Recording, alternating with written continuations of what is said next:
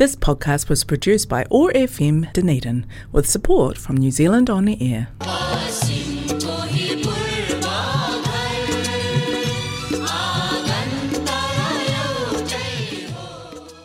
नमस्ते हरेक मङ्गलबार साँझको छत्तिस बजे प्रसारण हुने ओट्याको एक्सेस रेडियोबाट सञ्चालित कार्यक्रम हाम्रो आवाजमा म टिका कौशिकको सम्पूर्ण श्रोताहरूमा हार्दिक अभिवादन आज मङ्गलबार इस्वी सन् दुई हजार बाइस जुलाई उन्नाइस तारिक तदनुसार विक्रम सम्मत दुई हजार उनासी श्रावण तिन गते।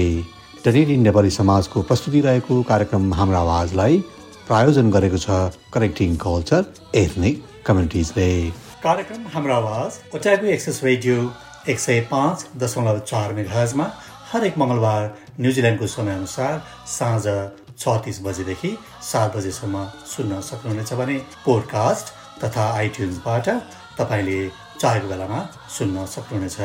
कार्यक्रम हाम्रो आवाजमा आज सुन्नुहुनेछ एक छलफल र आजका मेरा अतिथि हुनुहुन्छ क्यान्टबरी विश्वविद्यालयका प्राध्यापक यानि प्रोफेसर राजेश ढकाल।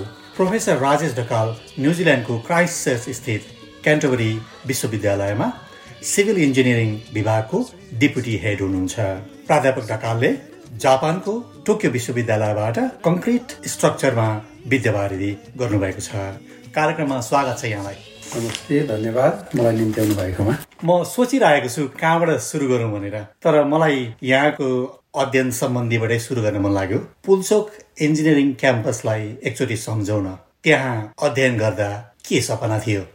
मूल कुरा त त्यो अध्ययन गर्न जानुभन्दा अगाडि नै एउटा एकदम असामान्य स्थितिबाट म गुज्रिएको थिएँ। त्यति बेला नेपालमा दुई हजार पैँतालिस सालको महाभूकम्प भन्छ हामी त्यो भुइँचालो गएर धेरै धनजनको क्षति भएको थियो र मेरो घर पूर्वमा धरान भएको हुनाले धरान पनि एउटा एकदमै बढी पीडित भएको ठाउँ बढी क्षति भएको ठाउँ। त्यो भुइँचालोबाट र अब मेरै गाउँमा मेरै टोलमा नै दर्जनौ मानिसको मृत्यु भएको थियो र घरहरू धेरै जसो भत्किया थियो। अहिले वास्तवमा त्यो मेरो गाउँमा गयो भने पैँतालिस सालभन्दा अगाडिका घरहरू कमै देखिन्छन्। त्यो मध्ये मेरो घर पनि निकै क्षति भएर हामीले अब घर भत्काएर घरमा बस्ने स्थिति थिएन र हामी टेन्टमा बसिरहेको थियौँ। त्यो इन्जिनियरिङ पढ्नुभन्दा अगाडि अब प्रवेशिका परीक्षाको फर्म चाहिँ भुइँचालोभन्दा अगाडि भरिसकेका थियो। तर अब त्यसको तयारी गरेर प्रवेशिका परीक्षा दिन आउने स्थिति भएन भुइँचालोले गर्दा। त्यो हुनाले माया मार्न आँटिसकेका थियो त्यही पनि अब परिवारमा बुवाले चाहिँ अब जसरी पनि जाँच मात्रै दिनुभए पनि जा भनेर भन्ने हुनाले गएर जाँच दिँदाखेरि अब नाम निक्लेर ननिक्लेला त्यो एकदमै भनौँ न अब उयो आफ्नो स्मरण शक्तिमा के के थियो अब चार पाँच महिना अगाडि पढेको किनभने तयारी गर्नु त पाइएन। त्यसको हिसाबमा अब जाँच दिँदाखेरि अब ठिक ठिकै भयो त्यस्तो सोचे जस्तो राम्रो पनि भएन। अब जम्मा चौबिसजनाको मात्रै सिट अब नाम निक्लेन निक्लिया भनेर धेरै असमञ्जस थियो। तर अब लकिली नाम निक्लियो भाग्यवश। र अब त्यो गरिसकेपछि चाहिँ के थियो भने पहिलेदेखि सानै विद्यालयदेखि नै अब आफू एकदम पढाइमा जेनरली राम्रै भएको हुनाले चाहिँ होइन मेरो तह त मेरो स्तर त अहिले यो नाम निक्लो नाम निक्लेको भन्दा त माथि हो।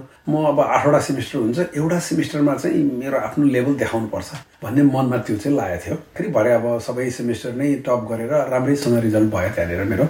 तर अब आफूले सोचेको चाहिँ के भन्दाखेरि धेरै पढ्नलाई मात्रै जोड नगरिकन अलिकति इन्जिनियरिङको उपाधि पनि लिने नलेज पनि लिने ल अब आफ्नो एउटा क्याम्पस लाइफमा गर्नुपर्ने कुराहरू भनौँ न अब हाम्रो खेलकुद यसो अब नेतागिरी अब सबै हाम्रो अब नेपालमा हुर्किँदाखेरिको एउटा कलेज लाइफको जुन सबै पक्ष थियो सबै पक्षलाई इन्जोय गरेर अगाडि बढ्छु अब पढाइमा पनि नराम्रो गर्दिनँ भन्ने एउटा फिलिङ लिएर अगाडि बढेको राम्रै भयो यदि दुई हजार पैँतालिस सालको भूकम्प नभएको भए अथवा त्यसलाई भोग्नु नपरेको भए यही इन्जिनियरिङ विधामा आउनुहुन्थ्यो अथवा फरक सोचाइदियो? यो एकदम गजब क्वेसन सोध्नुभयो किनभने यो चिज चाहिँ वास्तवमा एकदमै त्यो भूकम्पसँग एकदम राम्रोसँग गाँसिएको छ। म किन भूकम्प इन्जिनियर भएँ अथवा अहिले म जुन फिल्डमा छु त्यो फिल्डमा किन भएँ भन्ने कुरामा चाहिँ एउटा रमाइलो घटना छ। के भन्दाखेरि मेरो बुवा चाहिँ पहिले अब सरकारी जागिर गरेर जागिरबाट धेरै ठाउँमा सरुवा भएपछि त्यसलाई जागिरबाट रिजाइन गरेर आफ्नो केही पेसा गर्छु भन्ने क्रममा चाहिँ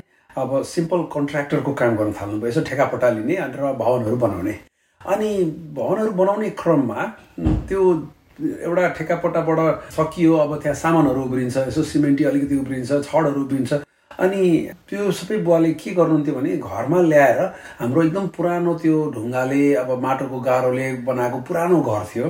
र त्यो घरमा चाहिँ यसो एउटा पिलर एउटा बिचमा छड हालेर अनि वरिपरिबाट इँटाहरू हालेर एउटा पिलर ठड्याउनुहुन्थ्यो अथवा अलिकति बढी छ भने दुईवटा पिलर गर्नुहुन्थ्यो। त्यो तिन चारवटा प्रोजेक्टहरू बुवाको सकिएपछि ती घरमा ठाउँ ठाउँमा पिलरहरू ठडिए। अनि भरे त्यो पैँतालिस सालको भूकम्प जुन मैले अघि कुरा गरेँ त्यो भूकम्प गइसकेपछि के भयो त हुन्छ भन्दाखेरि अरू छेउछाउका सबै घरहरू ढलेर मान्छेहरू पुरिएर मर्दाखेरि हाम्रो घरमा ती वालहरू पुरानो पुरानो वालहरू ध्वस्त भए पनि घर ढलिहालेन। त्यो एउटा छड राखेर बनाएका पिलरहरू जे थिए त्यसले चाहिँ घरलाई धानेर राख्यो। एटलिस्ट हाम्रो ज्यान चाहिँ त्यसले बचाउनमा ठुलो भूमिका निर्वाह गर्यो भन्ने चाहिँ मैले त्यतिखेर मेरो आफ्नो कलिलो बुझाइको कारणले चाहिँ मैले के सोचेँ भन्दाखेरि यसलाई त राम्रोसँग गऱ्यो भने त यसले त ठुलो काम गर्ने रहेछ भनेर म त्यो भुइँचालो अब प्रविधि भुइँचालोलाई बचाउनको लागि घरहरू कसरी बनाउने यो कुरा सिक्न पायो भने त राम्रो हुन्छ भन्ने एउटा मेरो त्यो प्रस्फुटन त्यो विचारको प्रस्फुटन चाहिँ त्यहाँबाट हो त्यसले धेरै नै असर पारेको छ जस्तो लाग्छ मलाई। हजुरलाई भनौँ एउटा चासो भयो त्यो देख्नुभयो बुवाले गरेको। त्यो बेलामा सैद्धान्तिक ज्ञान नभए पनि कसरी बन्यो र पछिको पैँतालिस सालको भूकम्पलाई त्यसले के परिणाम दियो भन्नेले हजुरको एउटा उत्सुकता जगायो।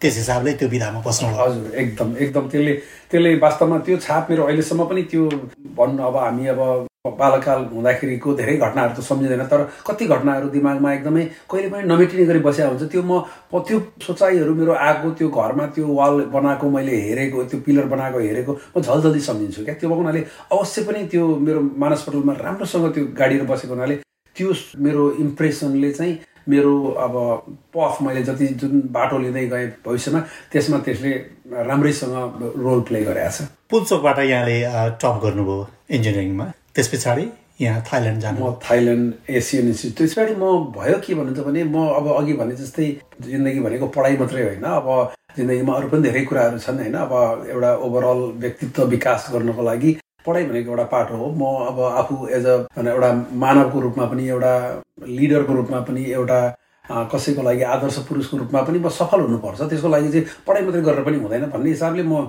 धेरै भनौँ मल्टिडाइमेन्सन त्यो आफ्नो व्यक्तित्व विकास गर्नुपर्छ भन्ने तरिकाबाट अगाडि बढ्दै गएँ। गएपछि आखिरमा टप गरियो। अनि गरिसकेपछि मलाई अब पढाइ चाहिँ पुग्यो मलाई। अब मलाई चाहिँ अब नेपालमा अब जागिर गरेर अब आफूले के कन्ट्रिब्युट गर्न सकिन्छ त्यहाँतिर गर्ने भन्ने हिसाबले म जागिरतिर लागेँ। र लोकसेवा आयोग खोल्यो र लोकसेवा आयोगको जाँच दिएँ नाम पनि निक्लियो। र थाहै जागिर भयो। जब त्यो जागिर गर्न थालिसकेपछि मलाई के फिल भयो भने सुरुको एक महिना दुई महिना चाहिँ अब ए थ्योरीमा पढेका कुराहरू यसरी पो त्यो रियल लाइफमा ल्याउन सकिने रहेछ त भन्ने कुराले अलिकति पोजिटिभ फिलिङ आयो। तर बिस्तारै सधैँभरि त्यही चिज गर्नुपर्ने। अझ सरकारी जागिरमा गइसकेपछि त कामै गर्नु नपर्ने उयो साइन मात्रै गर्ने काम जति अरूले गर्ने आफूले यसो फाइल मात्रै हेर्ने। त्यो मोनोटोनस भएपछि वास्तवमा त्यो जुन जोस जाँगर सुरुमा थियो त्यो जोस जाँगर चाहिँ हराएको हो। र त्यही क्रममा चाहिँ अब आफ्ना साथीहरूले पनि र आफ्ना गुरुहरूले पनि एकदमै त जस्तो मान्छे चाहिँ हायर स्टडी गर्नुपर्छ भनेर इन्सपायर गरेको हुनाले एप्लिकेसनसम्म भरौँ न भन्ने हिसाबले एप्लिकेसन भर्या हो मास्टर्सको लागि। अब स्कलरसिपको लेटर आइसकेपछि पनि धेरै दुविधा अब जागिर थाई जागिर छोडेर जाने कि अब यहीँनिर नेपालमा अब सरकारी जागिर थाई जागिर भइसकेपछि मान्छेको क्यारियरै अब जिन्दगीभरिलाई बन्छ। बल्ल बल्ल पाएको बल्ल बल्ल पाएको होइन। त्यो भएको हुनाले धेरै प्रेसर त्यो दुधारमा हुँदा हुँदै अब जाने निर्णय गरियो। त्यो जागिर गए पनि जाओस्। ल भएन आफ्नो क्यारियरको लागि म हायर स्टडी गर्छु भन्ने हिसाबले त्यो एउटा राम्रो प्रसङ्ग थियो त्यो बेलाको। थाइल्यान्डको एआइटीमा पढ्नेहरू विश्वविख्यात प्रोजेक्टहरूमा काम गर्नुभएको छ। त्यहाँ हजुरले पक्कै पनि यसलाई अवसरको रूपमा लिनुभयो। त्यस पछाडि जापान चाहिँ कसरी पुग्नुभयो? अनि एआइटीको पनि कस्तो छ भने घटना अब एआइटीमा जाँदाखेरि पनि मलाई अघिको जस्तै त्यो ब्याचलर गर्दाको जस्तै सोच के भन्दाखेरि अब म यहाँबाट स्कलरसिप पाएर एआइटी त जाँदैछु। म गइसकेपछि म नेपालबाट जाने भनेको म त्यहाँ गएर राजेश ढकाल हुन्न। म एउटा नेपाली स्टुडेन्ट हुन्छु होइन। किनभने म भनेको नेपालको एम्बेसेडर हुँ त्यहाँको त्यो त्यहाँ हुन्जेलसम्म अरू मान्छेले मलाई भोलि पर्सि गएर राजेश ढकाल थियो भनेर चिन्दैनन् कि एउटा नेपाली स्टुडेन्ट थियो भन्ने हिसाबले चिन्छन्। होइन? त्यो भएको हुनाले मलाई के लागेको थियो भने हो त्यहाँ पनि गएर आफ्नो एबिलिटी अनुसार पर्फर्म चाहिँ गर्नुपर्छ। त्यो हुनाले एक सेमिस्टर चाहिँ म राम्रो गर्ने कोसिस गर्छु भन्ने मलाई त्यो पनि थियो कि। अब यहाँ त टप गरियो गयो त्यहाँ त सबै टप गरे गराए जति आएका हुन्छन्। अब त्यो मध्ये अब मैले गरेको पर्फर्मेन्सले त नेपालको एउटा इम्प्रेसन बनाउँछ मान्छेको अगाडि भनेर त्यहाँ पनि अब म टप गरेँ होइन? एआइटी पनि टप गरेँ गोल्ड मेडल पनि पाएँ। अनि त्यो पाइसकेपछि नेचुरली त्यो टोकियो युनिभर्सिटीको बाटो खोल्या हो। किनभने त्यहाँ टप गरिसकेपछि त्यो डिफ्रेन्ट युनिभर्सिटीहरूले इन्ट्रेस्ट देखाएर स्कलरसिप अफर गर्ने त्यो एउटा बाटो नेचुरली खोल्नेछ। त्यो भएको मैले त्यहाँ राम्रो गरेको कारणले अब टोकियो युनिभर्सिटी जाने कि अब जापानको अरू दुई तिनवटा युनिभर्सिटी जाने कि क्यानाडाको एउटा दुइटा युनिभर्सिटी जाने मसँग धेरै अप्सनहरू थियो। त्यो मध्ये अब टोकियो अबको ऱ्याङ्किङहरू सबै हिसाबले राम्रो भएको हुनाले मैले टोकियो युनिभर्सिटी छाने हो। यहाँलाई टोकियोबाट कङ्क्रिट इन्जिनियरिङ गर्नुभयो त्यहाँबाट पिएचडी गर्नुभयो। त्यहाँबाट डाक्टरको उपाधि लिइसकेपछि डाक्टरको उपाधि लिनुभन्दा अगाडि नै मैले वास्तवमा त्यहाँ तिन वर्षको हाम्रो अब स्कलरसिप हुन्छ। जेनरली तिन वर्ष मान्छेहरूलाई लाग्छ। मैले चाहिँ अब त्यो परिस्थिति यस्तो पऱ्यो कि मैले दुई वर्ष छ सात महिनामा सिद्ध्याएँ मैले पिएचडी र मैले उपाधि लिनलाई अझै चार पाँच महिना बाँकी थियो। र म चाहिँ त्यहाँबाट सिङ्गापुरमा जब पाएर सिङ्गापुरमा काम गर्न अब पिएचडीको डिग्री लिनुभन्दा अगाडि नै पोस्ट डक्टरल होइन? पोस्ट डक्टरल जब पाएर म सिङ्गापुरमा गएँ। र पछाडि ग्रेजुएसनको लागि तिन महिना पछाडि म आएँ फेरि त्यो डिग्री लिनको लागि। र सिङ्गापुरमा मैले अब अढाई भन्नै तिन वर्ष जस्तो नानियाङ विश्वविद्यालय नानियाङ टेक्नोलोजिकल युनिभर्सिटी भन्छ एउटा संसारको राम्रै ऱ्याङ्किङमा पढ्छ। त्यहाँनिर चाहिँ मैले अब एउटा पोस्ट डक्टरल रिसर्च गरेँ र रिसर्च फेलो भएर अढाई तिन वर्ष काम गरेँ गर्दा गर्दै अनि यो न्युजिल्यान्डको अपर्च्युनिटी आएर यता आएको त्यस पछाडि न्युजिल्यान्डको क्यान्टोबरी विश्वविद्यालयमा?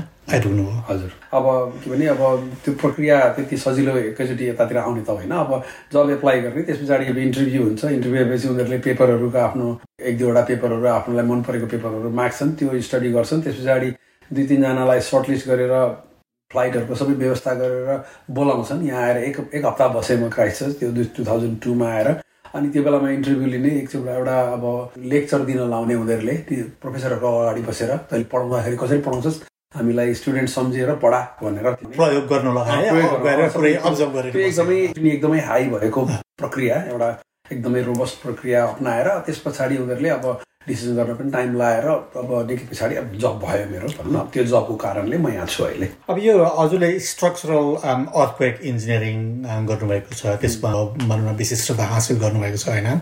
अब यो अहिले यति महत्त्वपूर्ण विषय रहेको छ। अब जमिनको अभावको कारण होइन?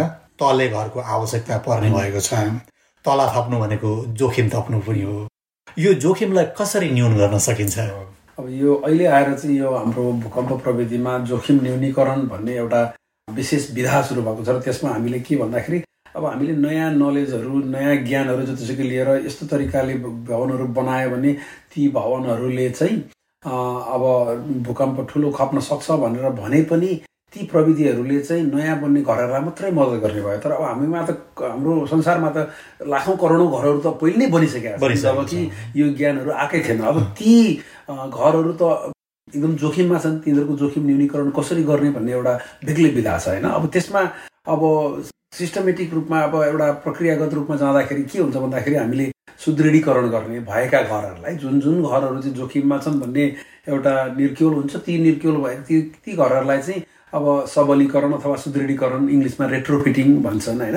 हो त्यो रेट्रोफिटिङ गर्ने भन्ने एउटा प्रिन्सिपल छ। अनि त्यो रेट्रोफिटिङ गर्ने पनि अब घरको अब प्रकार हेरेर अब कङ्क्रिटबाट बनेका घरहरू हुन् कि इँटाको गाह्रोबाट बनेका घरहरू हुन् कि अब काठबाट बनेका घरहरू हुन् कि अब कस्तो तरिकाले बनाइएका कुन संरचनाको तरिकाले बनाइएका घरहरू हुन् ती हेरेर ती अब सुदृढीकरण गर्ने उपायहरू पनि विभिन्न खालका उपायहरू छन् होइन? अब त्यो प्राविधिक डिटेलहरूतिर गयो भने मैले अब श्रोताहरूलाई बोर गरौँला त्यो हुनाले त्यो डिटेलहरूतिर नजाउँ। तर ओभरअल के भन्दाखेरि अब एउटा दुइटा कुरा चाहिँ जस्तै अब तपाईँको त्यो घरहरू अग्लो जुन हजुरले कुरा भन्नुभयो त्यो हाम्रो नेपालको सन्दर्भमा र अब दक्षिण एसियाली मुलुकहरूको सन्दर्भमा एकदम सही हो। त्यहाँ चाहिँ के भन्दाखेरि आर्थिक परिस्थितिले गर्दा पनि मानिसहरूलाई एकैचोटि घर अग्लो बनाउन सक्दैनन् दुई तला मात्रै बनाऊ पछाडि थपौँला भन्ने हुन्छ। तर अब त्यो वास्तवमा घर भनेको त्यसरी सोचले आफ्नो आर्थिक अलिकति मसँग पैसा पो भनेर थप्ने भन्दा पनि त्यो घरले चाहिँ त्यो बनाएको जगले त्यो घरको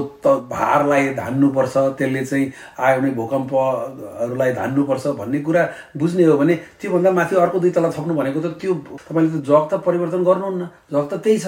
भनेपछि त्यो जगलाई चाहिँ उसले धान्न सक्ने भन्दा बढी भार हालेको हो नि त। कुनै मान्छेलाई उसले बोक्न सक्ने भन्दा बढी भार हाल्यो भने त मान्छे ढल्छ नि त। आफ्नो त्यो भएको हुनाले हामी के भन्दा विकसित मुलुकहरूमा चाहिँ जहाँ आचार संहिताहरू राम्रो छ होइन त्यहाँ चाहिँ के गर्छन् भन्दाखेरि पहिले नै अब आफूले पाँच चार तले पाँच तले घर भविष्य बनाउन सक्छु भन्यो भने डिजाइन त्यसरी गर्छन्। अहिले दुई तले बनाए पनि अब मैले चाहिँ भविष्यमा यो पाँच तलेसम्म जान मिल्छ यो घर भनेर त्यो जगहरू अब जे बनाउने हो त्यो त्यसको लागि हुने गरी बनाउँछन्। र अब पैसा भएपछि थप्ने भन्ने कुरा ठिक छ त्यो अब सबैको आर्थिक परिस्थिति नमिल्न सक्छ। तर त्यो पहिले नै प्लान गरेर बनायो भने त्यो त्यसको जोखिम धेरै नै कम हुन्छ होइन?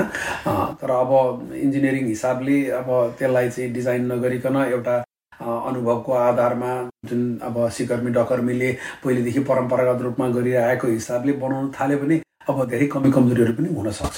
त्यसो भए त हामीले यसरी बुझौँ कि पहिला एउटा आफूलाई काम चलाउने मात्रै भनेर सामान्य जग राखेर एक तला अथवा दुई तला देख्ने घर बनाएको हुन्छ। अब पछि अलिअलि रकम जुट्छ अथवा रहर लाग्छ अनि माथि तल थपिदिन्छ जसले भार फ्याँक्न सक्दैन। त्यो चाहिँ बरु माथि बढाए पनि नबढाए पनि पछि जेसुकै गरौँला। तर जग चाहिँ पहिलो बलियो हाल्छ जग त हाम्रो त अब हामीले एकदम साधारण सर्वसाधारण हाम्रो वार्तालापमा पनि भन्छौँ नि जग दरो चाहिन्छ भने भनेको कारण त्यो जग त दरो चाहिन्छ जग नभए दरो नभइकन माथि मात्रै थपेर हुँदैन होइन? अब त्यो चाहिँ बुझ्न जरुरी छ। यहाँले दुई हजार पैँतालिस सालको भूकम्पको कुरा गर्नुभयो जसले गर्दा नै यहाँलाई यो स्ट्रक्चरल इन्जिनियरिङमा अध्ययन गर्न रुचि जगायो होइन? त्योभन्दा पछाडिका एकदम आफू म्याच्योर भइसकेपछि पनि क्राइस्ट चर्चका दुईवटा ठुला भूकम्प नजिकबाट देख्नु भएको छ भएको छ। नेपालकै दुई हजार बहत्तर सालको भूकम्पलाई नजिकबाट निहाल्नु भएको छ होइन? यसबाट हामीले के चाहिँ सिक्नै पर्ने छ? एकदम सही प्रश्न गर्नुभयो यसमा।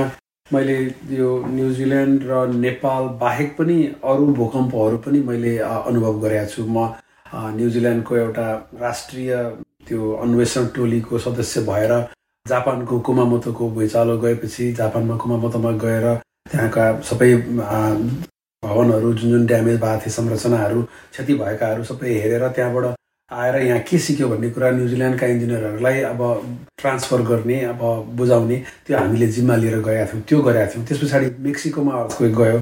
मेक्सिको अर्थकोमा पनि म न्युजिल्यान्डको राष्ट्रिय टोलीको सदस्य भएर गएको छु होइन। अब त्यो हुनाले ती सबै अनुभवहरूबाट मैले के बुझेको छु त भन्दाखेरि अब स्पेसल्ली नेपालमा चाहिँ तपाईँको अब एउटा दुइटा कुरा मैले भन्न खोजेको के भने पहिलो कुरा त म के भन्छु भन्दाखेरि भू उपयोग नीति एउटा सबभन्दा जरुरी चाहिँ। एकदमै नेपालमा अब हचुवा तालमा एउटा वृहत योजना नबनाइकन कुन ठाउँको महत्त्व के हिसाबले सामरिक हिसाबले राम्रो छ कि अथवा तपाईँको धार्मिक हिसाबले राम्रो छ कि अथवा त्यसमा चाहिँ कुनै खालको एउटा यस्तो खालको संरचना बनाउँदा राम्रो हुन्छ अथवा यसलाई चाहिँ यसरी बस्ती विकास गर्न सकिन्छ भन्ने प्लानिङ नगरिकन अब जहाँ पायो त्यहीँ अग्ला अग्ला भवनहरू एकदम बिस बाइस तल्ले पच्चिस तल्ले अपार्टमेन्टहरू बनाउने होइन? अब त्यसले गर्दाखेरि अब छेउछाउका संरचनाहरूमा त्यसले अर्कै खालको असर गर्छ होइन? त्यो एउटा भू उपयोग नीति नभइकन एकदम ऱ्यान्डमली हचुवा तालमा भवनहरू र अब बहुतल्य भवनहरूको यो जुन निर्माण भइरहेछ त्यो एउटा गलत छ। त्यो मात्रै होइन। अब तपाईँको भनौँ न अब खेतीयोग्य जग्गाहरूमा चाहिँ अब प्लटिङ गरेर अब ती अरू कुराहरू धेरै कुरा बस्ने भनेको एउटा भवन मात्रै होइन तपाईँको। अब त्यस पछाडि खानेपानी हुन्छ बाटो हुन्छ ढल निकास हुन्छ धेरै कुराहरू हुन्छ नि त तपाईँको। अब यो हाम्रो परेको पानी भयो एउटा एउटा ढल भयो एउटा तपाईँको हाम्रै घरबाट निक्लेका विकारहरू तिनीहरूलाई कसरी गरेर थानको लाउने? यी सबै कुराहरू सबै प्लानिङ नगरिकन हामीले बस्ती विकास गर्ने गरेका छौँ। त्यसले गर्दाखेरि अब एउटा भूकम्पको पक्षमा पनि त्यसले ठुलो असर गर्छ किनभने त्यहाँ कुन ठाउँको माटो कस्तो छ त्यो माटो तरलीकरण हुन्छ कि हुँदैन? माटोको किनभने तपाईँको भार वहन क्षमता अनुसार अब जग कतिसम्म जानुपर्छ कस्तो खालको जग बनाउनुपर्छ त्यो बेग्लै विज्ञान छ। होइन त्यो विज्ञान र प्रविधिलाई ध्यानमा नदिकन त्यतिकै हामीले अब पहिलेदेखि परम्परागत रूपमा गर्दै आएको यसरी घर बनाउँदै आएको भनेर जहाँ पाए त्यही गरेर त्यसरी घर बनाएर हुँदैन होइन? त्यो एउटा कुरा चाहिँ एकदमै जरुरी बुझ्नुपर्ने। अब अर्को मैले विकसित देशहरूबाट देखेको चाहिँ के भन्दाखेरि अब विज्ञान र प्रविधिबाट अब अहिलेसम्म जति कामहरू भएका छन् ज्ञानहरू निक्लेका छन् तिनीहरूलाई सबै समेटेर जुन हामीले भवन निर्माण आचार संहिता बनाउँछौँ त्यो नेपालमा पनि नभए होइन छ। तर त्यसको कार्यान्वयन पक्ष एकदम फितलो छ नेपालमा। त्यो भएको हुनाले अब त्यो आचार संहिता अब बिस वर्ष पुरानो थियो नेपालमा त्यही पनि अब त्यति बिस वर्ष पुरानै भए पनि त्यो आचार संहिता अनुसार सबै चिज गर्दाखेरि अब मान्छेको धनजन को क्षति हुने चाहिँ धेरै नै कम हुन्थ्यो। तर अब त्यो एकदमै कार्यान्वयन पक्ष फितलो भएको हुनाले अब आचार संहिता चाहिँ हाम्रो एउटा किताबमा मात्रै समावेश भएर बस्यो। त्यो चाहिँ धेरै जसो निर्माण कार्यमा चाहिँ त्यो अक्षरस रूपमा अथवा जति स्ट्रिक्टली लाग्नुपर्ने त्यसरी लागू गर्न सकिएन। त्यसले गर्दाखेरि त्यो एउटा अर्को नलेज हो। बलियो नीति र पारदर्शी नीति र शिक्षाको महत्त्वपूर्ण ठाउँ छ त्यहाँनिर होइन? उसको पालना गऱ्यो भने क्षति कम गर्न सकिन्छ। भुइँचालोमा क्षति गर्नु गर्नलाई अब भवन निर्माणहरू चाहिँ गर्दाखेरि कुन तरिकाले त्यसलाई अब डिजाइन गर्ने र कुन तरिकाले निर्माण गर्ने? डिजाइन गरे अनुसार निर्माण गर्नु पऱ्यो डिजाइन चाहिँ आचार संहिता अनुसार त्यसलाई डिजाइन गर्नु पऱ्यो होइन? अब ती जरुरी छ। त्यो चाहिँ अब त्यसमा चाहिँ क्वालिटी कन्ट्रोलको प्रोसेस अब ती साइटमा निर्माण स्थलमा गएर प्राविधिक जनशक्तिले गएर सुपरिवेक्षण गर्नु पर्यो र कहाँ कामहरू ठिक भएको छ कि छैन त्यसलाई सर्टिफाई गर्ने ती डिफ्रेन्ट प्रोसेसहरू प्रक्रियाहरू हुन्छन्। जुन प्रक्रियाहरू एउटा समष्टिगत रूपमा एउटा प्रक्रियागत रूपमा नेपालमा चाहिँ लागु भएको देखिँदैन होइन? अब भविष्यमा होला अब त्यो होस् भन्ने म चाहन्छु र त्यो भयो भने अवश्य पनि यसमा हामीले प्रगति देख्नेछौँ। यहाँको अध्यापन सम्बन्धी एउटा प्रश्न गर्न मन लाग्यो। बिसौँ वर्ष भइसक्यो। प्राध्यापन पेसामा लाग्नुभएको होइन। अब जापानको भैँचालो अथवा मेक्सिको भैँचालोमा कति ठाउँमा आफूले अगुवा गरेर त्यहाँ गएर अध्ययन पनि गर्नुभएको छ। अनि विभिन्न राष्ट्रबाट आएका विद्यार्थीहरूलाई पढाउनु भएको छ होइन। एक्चुली फर्केर हेर्दा आफूले पढाएका विद्यार्थीहरूले के कस्तो प्रगति गरेका छन् तिनीहरूलाई कुनै बेला हामीले रिफ्लेक्सन गऱ्यो भने सन्तुष्टि आउँछ। एकदम सन्तुष्टि आउँछ। सबभन्दा के हुँदो रहेछ भने यो अब पढाउने क्रममा जुन बेलामा म सुरुमा अब सिङ्गापुरमा हुँदा पनि मैले एक दुईवटा क्लासहरू अब रिसर्च फेलो भए पनि क्लासहरू फाटाफुट लिन्थेँ। तर अब एउटा नियमित रूपमा पढाउनु थालेको यहीँ आएर हो। तर अब यहाँ चाहिँ अब न्युजिल्यान्डमा अब अङ्ग्रेजी बोल्ने वातावरणमा अब हामी नेपालबाट आएको नेपाली माध्यमबाट सुरुमा पढ्न सिकेको मान्छेहरूले आएर पढाउनु पर्ने अलिकति त्यो एउटा इङ्ग्लिसमा भन्छ नि डन्टिङ अब त्यो एउटा आफूलाई गफ लाग्ने। त्यो स्वाभाविकै हो तर अब पढाउनु थाल्दै गएपछि बिस्तारै गइसकेपछि ती सबै कुराहरूलाई अब म्यानेज गर्दै गइयो र पढाएर राम्रैसँग अब सफलतापूर्वक नै पढाउन पनि थालियो र अब राम्रैसँग विद्यार्थीहरूको फिडब्याक पनि आउन थाल्यो। अनि अब यहाँ आउँदाखेरि अब डिफ्रेन्ट कन्ट्री अब डिफ्रेन्ट विभिन्न मुलुकबाट मान्छेहरू विद्यार्थीहरू आएका हुन्छन्। ती सबै विद्यार्थीहरूलाई पढाइयो अब पढाउँदाखेरि अब ठुल्ठुलो क्लासमा पढाइन्थ्यो अब अहिलेसम्म हजारौँ पढाइसक्यो। सबैको नामहरू पनि चिन्ने पनि हुँदैन। तर हामीले विशेष के हुन्छ भन्दाखेरि तीमध्ये कति विद्यार्थीहरू हुन्छन् जसलाई आफूले पढाएर अझ स्पेसली मास्टर्स पिएचडी पनि गराएर अनि ती चाहिँ अब एकदम टप टप लेभलमा कुनै कुनै ठाउँमा पुग्छन् जबमा भनौँ अब अब हामीले त अझ हेर्दाखेरि हाम्रो लागि चाहिँ को मान्छेहरू कुन युनिभर्सिटीमा गएर पढाउनु थालेको छ? जसलाई चाहिँ हामीले प्रोफेसर बनाएर अथवा लेक्चरर बनाएर पढाउन पठाउन सक्यौँ त्यसलाई चाहिँ हामीले अझ बढी मान्यता दिन्छौँ। एउटा कम्पनीमा गएर काम गर्ने भन्दा पनि त्यो चाहिँ अब सबैले गर्छन् होइन? तर अब त्यो युनिभर्सिटीको जबहरू पाउनलाई चाहिँ गाह्रो भएको हुनाले अनि त्यसलाई हामीले एकदम हेर्ने गर्छौँ। अब एउटा मेरो मैले पिएचडी गराएको एउटा विद्यार्थी अहिले क्यान्टरबरी युनिभर्सिटीमै मेरै डिपार्टमेन्टमा अब अहिले सबैभन्दा कम्ती उमेरमा प्रोफेसर हुने उसले रेकर्ड राखेको छ त्यो चाहिँ हामीलाई गर्व दिन्छ। त्यो चाहिँ मेरो पहिलो पिएचडी गरेको विद्यार्थी होइन।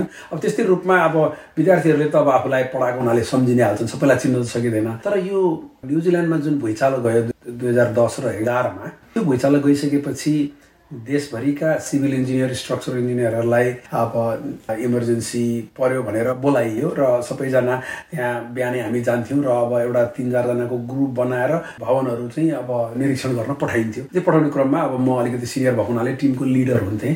त्यहाँ आएका अब त्यहाँ हजारौँ हामी इन्जिनियरहरू भेला हुन्थ्यौँ देशभरिबाट। अनि त्यहाँ आएको बेलामा त्यहाँ चाहिँ अब पहिले धेरै मान्छेहरूले आएर हेलो राजेश के छ हालखबर? अब तैँले मलाई चिनिनस् मैले तैँले मलाई पढाएको भनेर कति इन्जिनियरहरू त्यहाँ भेट भयो। अनि मलाई त्यो बेला चाहिँ अचम्म गर्व लाग्यो कि वास्तवमा हाम्रो कमाइ भनेको यो रहेछ। अब म त चिन्दिनँ उनीहरूलाई सबैलाई त चिन्दिनँ।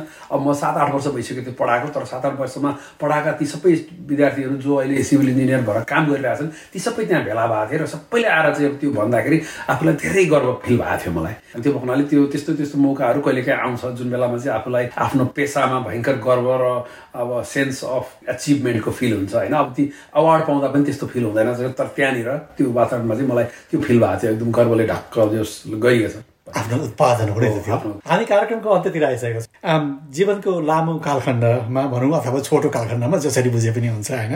एक किसिमले जीवन त सम्पन्न त हुन्छ। आफूले सोचे जस्तो हुने भए अब बाँकी जीवन कसरी सम्पन्न होस् भन्ने चाहनुहुन्छ? बाँकी जीवन एउटा के भन्दाखेरि मलाई चाहिँ जहिले पनि फिल के हुन्थ्यो भन्दा म नेपालमा जन्मेँ नेपालमा हुर्केँ नेपालमा पढेँ। नेपालको डाइरेक्ट इन्डाइरेक्ट रूपमा म माथि यति धेरै लगानी छ। त्यो लगानीको जब पैँचो तिर्ने बेला आयो त्यो बेला म विदेशी र विदेशमा आएर मैले त्यो जुन मेरो प्रोडक्टिभ इयर्स चाहिँ मैले न्युजिल्यान्डलाई दिएँ न्युजिल्यान्डले चाहिँ मलाई रेडिमेड भेटायो र अब मबाट न्युजिल्यान्डले पनि फाइदा लियो। अब कति इन्जिनियरहरूलाई मैले ट्रेन गराएँ होइन? त्यो एउटा चाहिँ मलाई एकदम जहिले पनि पिरोल थियो त्यो एउटा सोचले। अब आजभन्दा सात आठ वर्ष अगाडि जुन नेपालमा त्यो भूकम्प पछाडि मैले आठ नौ महिना नेपालमा गएर बसेर नेपालको लागि केही गर्ने अवसर पाएँ र मैले गरेँ। त्यो बेलामा आफ्नो सक्ने दक्षता पनि दिएँ र आफ्नो अब आर्थिक रूपले पनि आफूले सक्ने सहयोग गरेर आएर त्यस पछाडि मलाई त्यो एउटा सन्तोष अलिकति भए पनि एकदम। त्यस पछाडि चाहिँ त्यो ग्लानी मेरोबाट एकदम गएर म चाहिँ अब जो आफूले सक्ने कुरा मौका पाएको बेलामा मैले गरेँ भने। त्यो हुनाले भविष्यमा पनि मलाई के छ भन्दाखेरि अब मैले सक्ने चाहिँ अब नेपाल नेपाली डायस्पोरालाई र नेपाल देशलाई नेपालमा भएका समसामाजिक मेरो क्षेत्रभित्र पर्ने समस्याहरू जुन चाहिँ मेरो बुताभित्र छन् मैले केही गर्न सक्छु भने त्यो गरिराख्न पाऊँ र त्यो गर्ने मौका पाऊँ र त्यो गर्दाखेरि मलाई जति आनन्द आउँछ त्यो अरू हिसाबले आनन्द आउँदैन। त्यो एउटा चाहिँ मेरो चाहना छ। हुन त अब रिटायर्ड लाइफ आउन अझै बाँकी छ तर अब रिटायर्ड लाइफ भइसकेपछि कुन तरिकाले के अझ बढी कन्ट्रिब्युट गर्न सकिन्छ त्यो म सोध्छु होइन? र अहिले अब अर्को आठ दस वर्ष जुन मेरो अब कार्यकाल बाँकी नै छ त्यो कार्यकालमा पनि नेपालमा अब इन्जिनियरिङ सेक्टरमा त्यो हुनाले अहिले पनि मेरो कोलाबोरेसन नेपालमा चलि नै रहेछ म बेला बेलामा वर्षको एकचोटि दुईचोटि जान्छु नेपाल। अहिले कोभिडको कारणले मात्रै जान पाएको छैन। नभए अब अहिले पनि मेरो त्यो कम्बाइन्ड कोलाबोरेटिभ प्रोजेक्टहरू छ। त्यो एउटा चाहना छ मेरो। अब र त्यो गर्ने कोसिस गर्छु म। हस् यहाँको चाहना पुरा होस्। म शुभकामना गर्न चाहन्छु। मौका दिनुभएकोमा धन्यवाद। हस् यहाँको विचार र समयका लागि धेरै धेरै धन्यवाद। जाँदा जाँदै कार्यक्रम हाम्रो आवाजका प्रायोजक कनेक्टिङ कल्चर र यो आवाज तरङ्गित गराउने ओट्यागो एक्सेस रेडियोलाई धेरै धेरै धन्यवाद। त्यस्तै गरी आजका मेरा अतिथि प्राध्यापक डाक्टर राजेश ढकाललाई धन्यवाद भन्दै आउँदो मङ्गलबार साँझ छ तिस बजे फेरि भेट्ने बाचाका साथ प्राविधिक मित्र जेफ र म टिका कौशिक ओजेल हुन चाहन्छु नमस्ते शुभरात्रि This podcast was produced by ORFM Dunedin with support from New Zealand On the Air.